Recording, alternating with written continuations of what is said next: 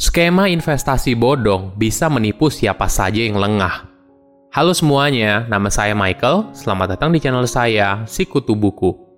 Kali ini saya akan bahas kisah dari Charles Ponzi, seorang penipu ulung yang namanya menjadi referensi dari skema investasi bodong.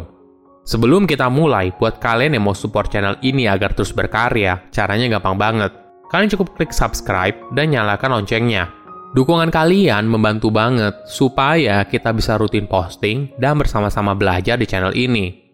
Beberapa waktu lalu, kita sering kali dikejutkan dengan berbagai pemberitaan soal investasi bodong, mulai dari VTube, TikTok Cash, dan sebagainya.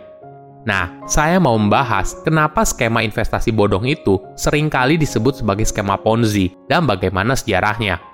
Sejak penangkapannya pada tahun 1920, nama Charles Ponzi terkenal luas hingga saat ini, yang erat kaitannya dengan skema investasi bodong.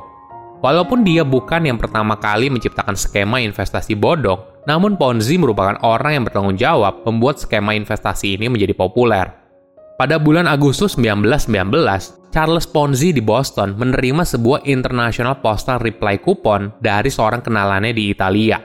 Jadi, kupon ini dibuat untuk menangani transaksi internasional kecil, Penerima kupon tersebut dapat menukarnya di kantor pos setempat dengan sebuah perangko. Ponzi memperhatikan bahwa kupon yang dia terima dari Italia telah dibeli di Spanyol dan harga di Spanyol itu sangat rendah. Faktanya, biaya kupon dari International Postal Reply Coupon di Spanyol hanya seperenam dari nilai perangko yang dapat diperdagangkan di Amerika Serikat.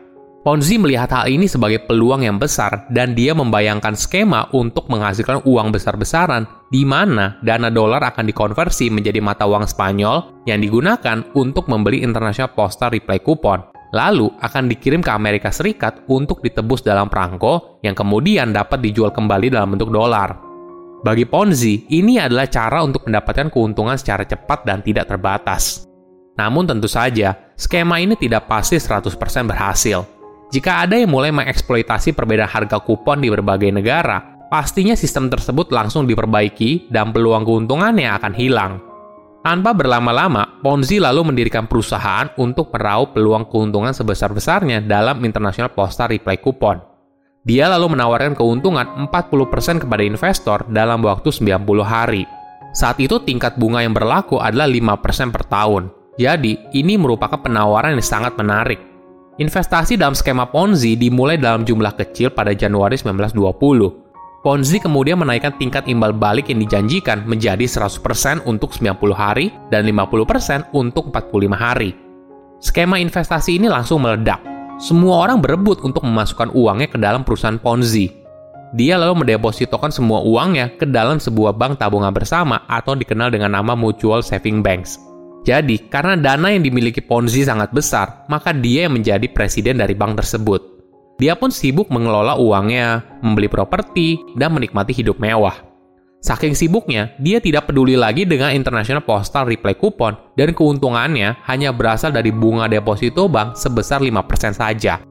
Pada Juli 1920, Boston Post menerbitkan sebuah artikel yang menunjukkan bahwa skema investasi yang dijalankan Ponzi tidak memungkinkan secara finansial International Postal Reply Coupon yang terjual tidak mencukupi untuk membayar semua pengembalian yang dijanjikan oleh Ponzi.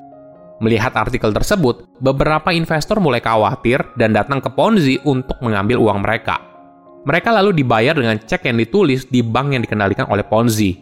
Namun Ponzi meyakinkan banyak investor lainnya bahwa artikel Boston Post itu tidak relevan karena dia memiliki skema rahasia lain untuk menghasilkan uang yang lebih baik daripada skema International Postal Reply Coupon.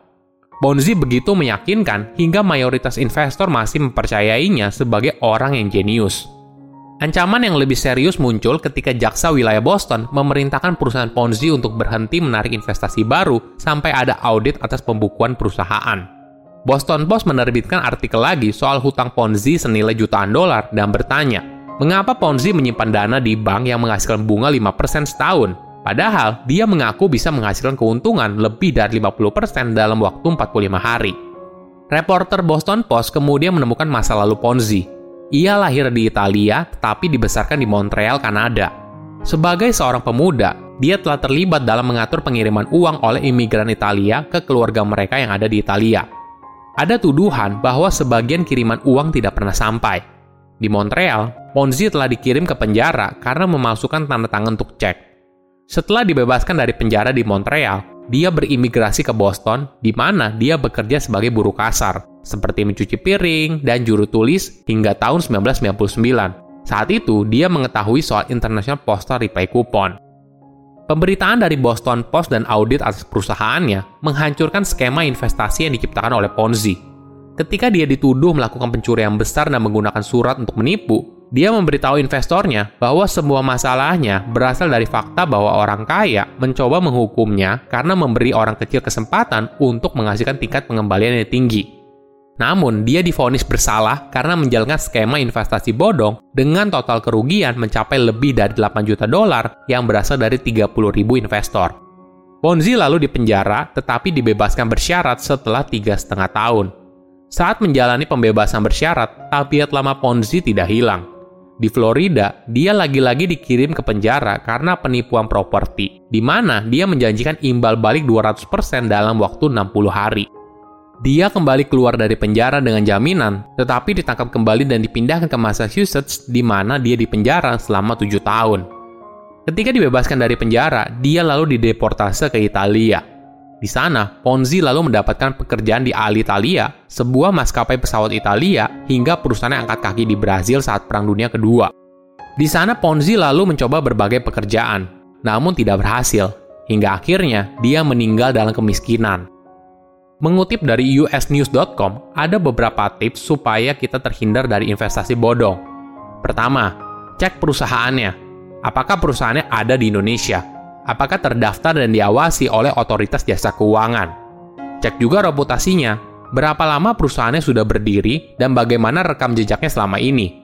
Ingat, ini uang yang kamu kumpulkan dengan jerih payah, maka kamu harus sangat hati-hati sebelum menaruh uangmu ke dalam skema investasi mana pun. Kedua, selalu bersikap skeptis.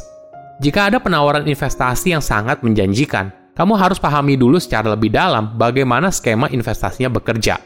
Jika kamu tidak memahami skema investasinya, lebih baik jangan taruh uangmu di sana. Ingat, sebelum menaruh uangmu, kamu harus paham 100% dengan skema investasinya. Bagaimana mereka bisa menghasilkan imbal balik yang mereka tawarkan, dan sebagainya. Perlu diingat, kinerja masa lalu tidak mencerminkan kinerja masa depan ya. Ketiga, lebih hati-hati ketika mendekati masa pensiun. Menurut sebuah studi oleh Asosiasi Administrator Sekuritas Amerika Utara, hampir setengah dari semua keluhan investor yang diajukan berasal dari kelompok senior. Menurut asosiasi tersebut, operator palsu terkadang menipu investor yang lebih tua melalui seminar makan siang gratis yang diikuti oleh panggilan dari tim penjual mereka beberapa hari kemudian. Selain itu, ketika mendekati masa pensiun, sebaiknya memilih skema investasi yang cenderung lebih konservatif daripada agresif.